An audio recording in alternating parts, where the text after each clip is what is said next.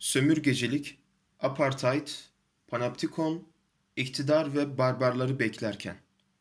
Ahmet Sait Akçay Edebiyat eleştirisinde panoptikonizm, Michel Foucault'un Hapishanenin Doğuşu eserinden sonra çok güçlü bir metafor olarak görünmeye başlandı.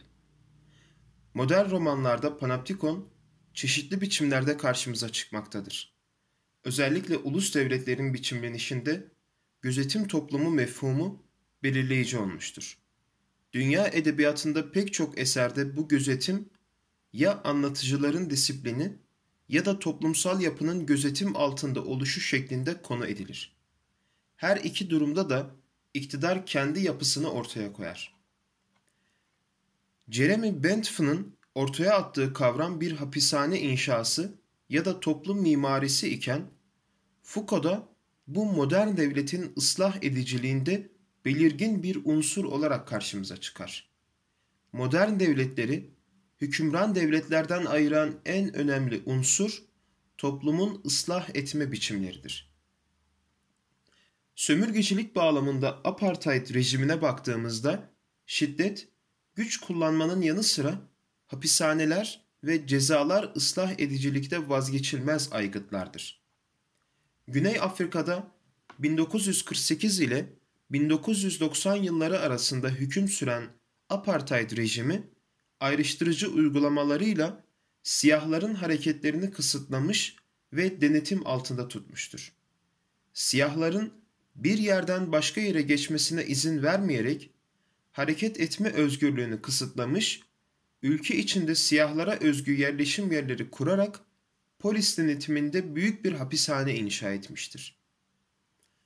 Nedense bugüne kadar roman analizlerinde değinilmeyen, üzerinde durulmayan en önemli hususlardan bir tanesi de Güney Afrika'da uzun yıllar devam eden pass laws yani geçiş yasaları ve baskıcı uygulamalardır. Güney Afrika tarihçisi Mitchell Savage 20. yüzyılda Güney Afrika'da uygulanan geçiş yasalarının tahribatını gösterdiği yazısında 1916-1984 döneminde 18 milyondan fazla Afrikalının geçiş yasaları ve göç kontrol düzenlemeleri kapsamında tutuklandığını ya da kovuşturulduğunu yazar. Rakamın boyutunun geçiş yasalarının Afrika nüfusunun hareket özgürlüğünü kontrol etmek ve hem kentsel hem de kırsal alanlarda iş gücü piyasalarına erişimlerini sınırlandırmak olduğunu söyler. Savage, geçiş yasalarının yüzyılın ilk yarısında beyazlara iş gücü sağlamak amacıyla yürürlükte olduğuna dikkat çeker.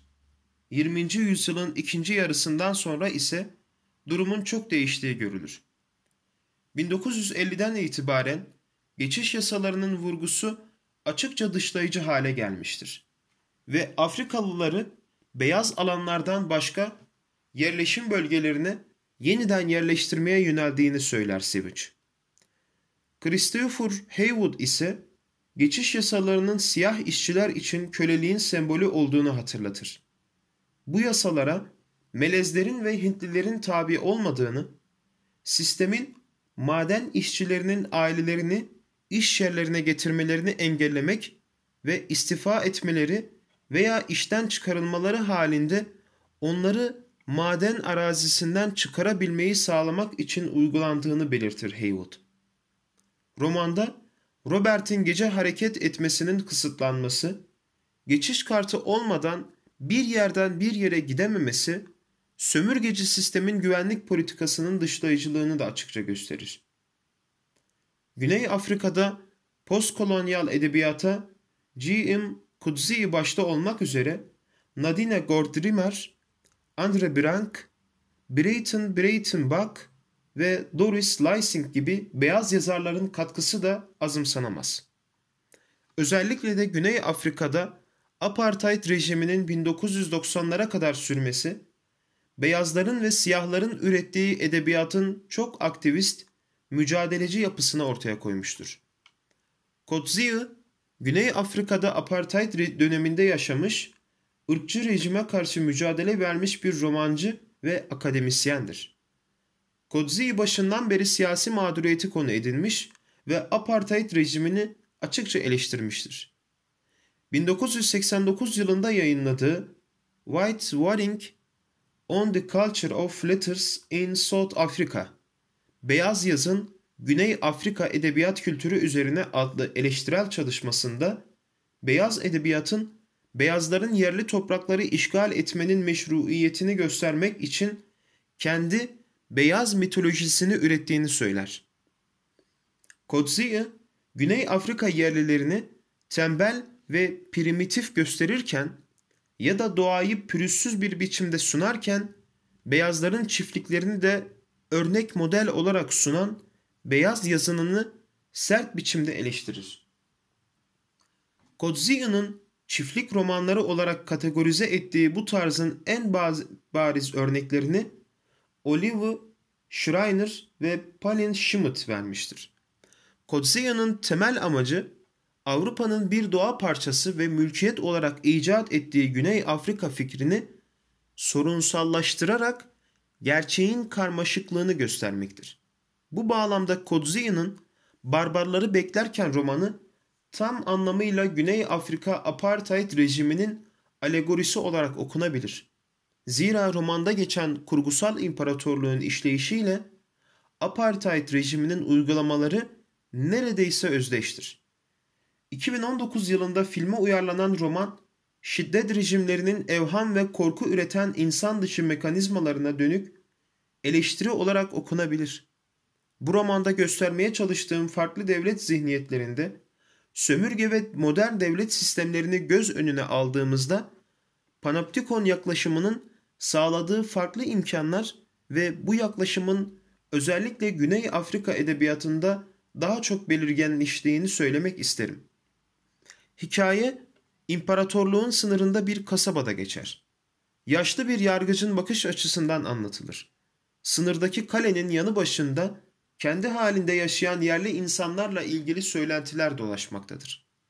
Barbarlar olarak nitelenen bu halkın bir savaş hazırlığında olduğu haberleri kasabada yayılırken yargıç olanlara şüpheyle yaklaşır. Bana kalırsa huzursuzluk falan yoktu. Gözlemlerime göre her kuşakta bir kez olsun bu barbar isterisi depreşiyordu.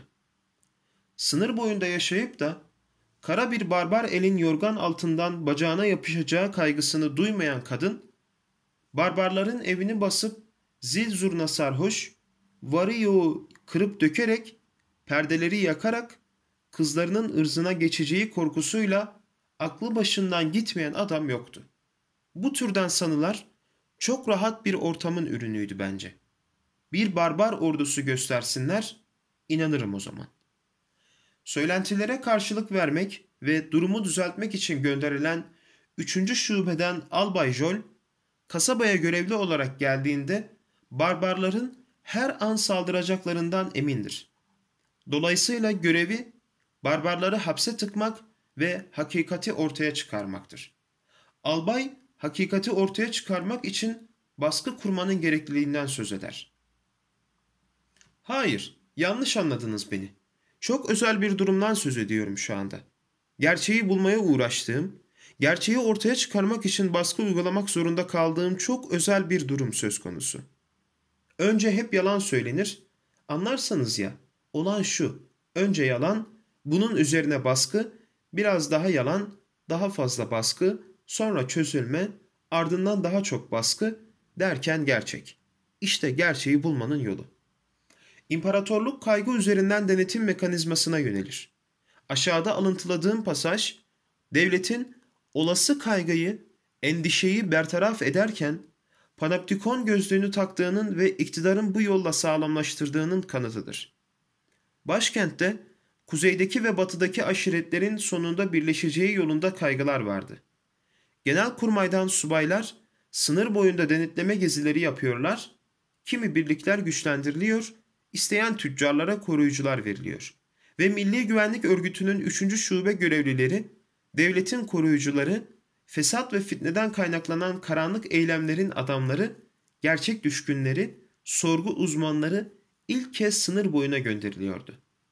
Şurasına burasına azıcık dokunup dürtükleyerek dünyanın eski düzenini sürdüreceğini bildiğim için gönül rahatlığıyla uyuyabildiğim durağan yılların çok geçmeden sona ereceği görülüyordu. Yukarıdaki metinde belirtilen denetim mekanizması, Foucault'cu bağlamda modern devletlerin pek başvuracağı bir yöntem değildir.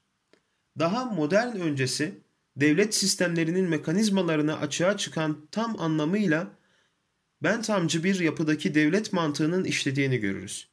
Çünkü modern devletlerde ıslah sistemi aynı zamanda iktidarın başarısıdır.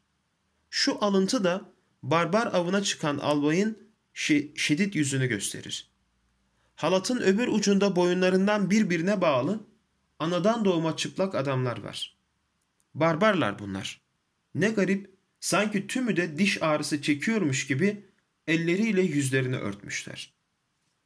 Tüm bu zulümlere şahit olan yargıç her ne kadar olanları engellemeye çalışsa da başaramaz. Askerler önlerine kim çıkarsa kodese tıkmaya heveslidirler. Gözlerini işkencede kaybeden bir kadına yardım eder yargıç. Kadın yerlilere geri gitmeyi reddettiği için yanında kalır. Daha sonra yargıç düşmana yardım ettiği gerekçesiyle yakalanır. Kodese atılır. Başkentten gelen orduyla albay gün geçtikçe daha fazla barbar yakalar. Halk adeta toplu halde bu şiddet pratiğine ortak olur. Kudziya'nın bize gösterdiği hükümran devletin insanları evcilleştirmek için uyguladığı şiddetin caydırıcı olup olmadığıdır. Roman aslında Güney Afrikalı entelektüel Steve Biko'nun işkence altında öldürülmesini ve dönemin işkence mekanizmasını yansıtır. Romanda albay bilinmeyeni denetim altına alırken yargıç da aslında tarihin kalıntılarında izler sürer. İmparatorluğun denetim kulelerine işaret eden yargıç, metaforik olarak panoptikon gözün sınırlayıcı, hapsedici arzusunu göz önüne serer. Öyle sanıyorum ki geçmişte suçlular, tutsaklar, askerler öküz arabalarıyla 12 mil ötedeki ırmağa giderek oradaki kavakları kestiler, biçtiler, rendelediler ve keresteleri arabalara yükleyerek bu çorak yere gelip getirip evler kurdular. Hatta bir de kale yaptılar. Beyler, valiler, yargıçlar, reisler sabah akşam barbarları gözlemek için damlara, kulelere tırmanarak bir ufuktan diğerine dünyayı tarayabilsinler diye insancıklar yaşamlarından oldular. Belki de kazarak sadece en üst tabakayı kaldırdın. Yerden on ayak aşağıda barbarların yerle bir ettiği yüksek duvarlar ardında güvenlik içinde bulunduklarını sanan insanların kemikleriyle dolu. Bir başka kalenin kalıntıları da olabilir. Adalet sarayında böyle anılması uygunsa eğer görev yaparken belki de bir barbarla yüz yüze gelerek yetki arenasında yenik düşen benim gibi bir yargıcın imparatorluğun kır saçlı bir başka bendesinin başına basıyorum. Barbarları beklerken aynı zamanda genel anlamda bir imparatorluk eleştirisi olarak da okunabilir. İmparatorluklar egemen iktidarlardır ve sömürge yöntemleriyle birlikte şiddet rejimi olarak da rahatlıkla anılabilirler. Yargıcın imparatorluk yorumu üzerinde düşünmeye değer, imparatorluk tarih içinde yaşamaya ve tarihe karşı koymaya yazgılı. Sulanmış beynini zorlayan bir tek sorun var sadece. Yıkım nasıl önlenir? Ölüme umar var mı? Bu saltanatı uzatmanın yolları. Gündüzleri acımasızca bin türlü hile ile düşmanlarının peşine düşüyor, hafiyeler kol geziyor her yerde. Yağmalanan kentler, ırzına geçilen insanlar, kemiklerden oluşan piramitler.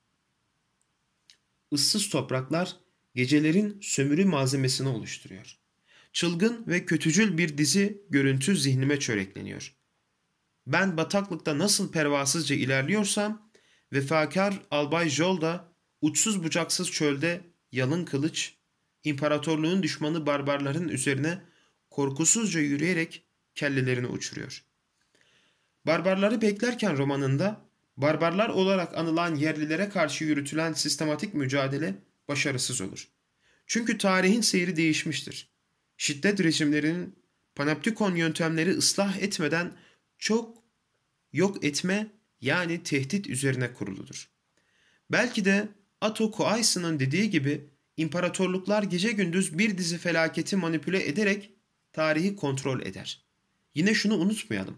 imparatorluk rejimleri kimin yaşayacağına ve kimin öleceğine de mutlak manada karar veren mekanizmalardır. G.M. Coetzee bu romanıyla sadece beyaz iktidarın kurduğu şiddet gramerini çözümlemez. Aynı zamanda apartheid rejiminin ötekiyi nasıl ehlileştirdiğini, hatta yok edilmesi gereken unsurlar olarak algıladığını da gösterir. Nida dergisi 204. sayıdan